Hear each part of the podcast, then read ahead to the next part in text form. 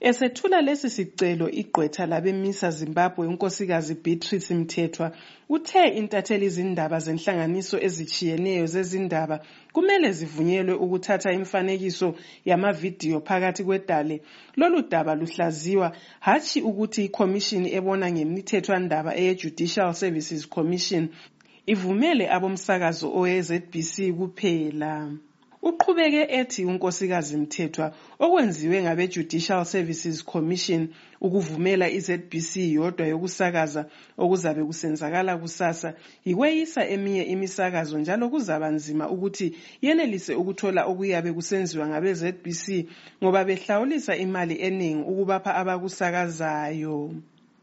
I-ZBC ibikwa isithi ozafuna ukusakaza abayabe bekuthapha eConcord kuzamele bahlawule inkulungwane ezilithumi lantathu zamadola i-13,000 dollars ngelanga.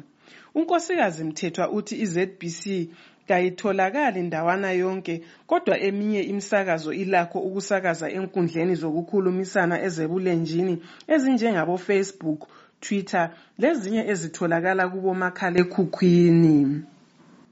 Igqwetha elimele umongameli Emmerson Mnangagwa umnumzana Tinomu Dayishe Chinyoka uthi imisa Zimbabwe kayila msakazo osakaza elizweni ngakho-ke udaba lwabo kalulasisindo.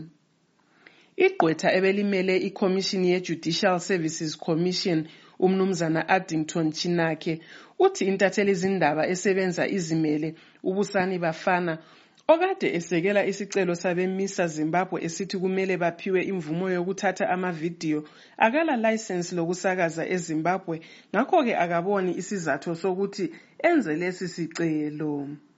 Amagqwetha ade emele i-ZBC wona athi linkampani isilayo imitshina yangalezi nsuku ngakho-ke ilakho ukunikeza imifanekiso yamavidiyo emuntwini wonke ongabe eyifuna kungakhathalekile ukuthi zintatheli izindaba zaseZimbabwe kumbe ngezakwamanye amazwe.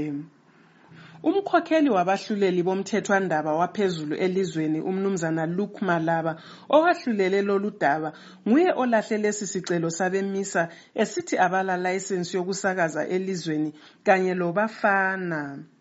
Iningi lamukele ngokudana okukhulu inyathelo elithethwe ngabe-Judicial Services Commission ukuvumela i-ZBC yodwa ukusakaza okuzabe kusenzakala kusasa kuhlaziywa udaba lokuphikisa impumela yokhetho lokudinga umongameli welizwe olukhwezwe emthethwandaba owe-Constitutional Court ngumkhokheli womanyano we-MDC Alliance umnumzana Nelson Chamisa.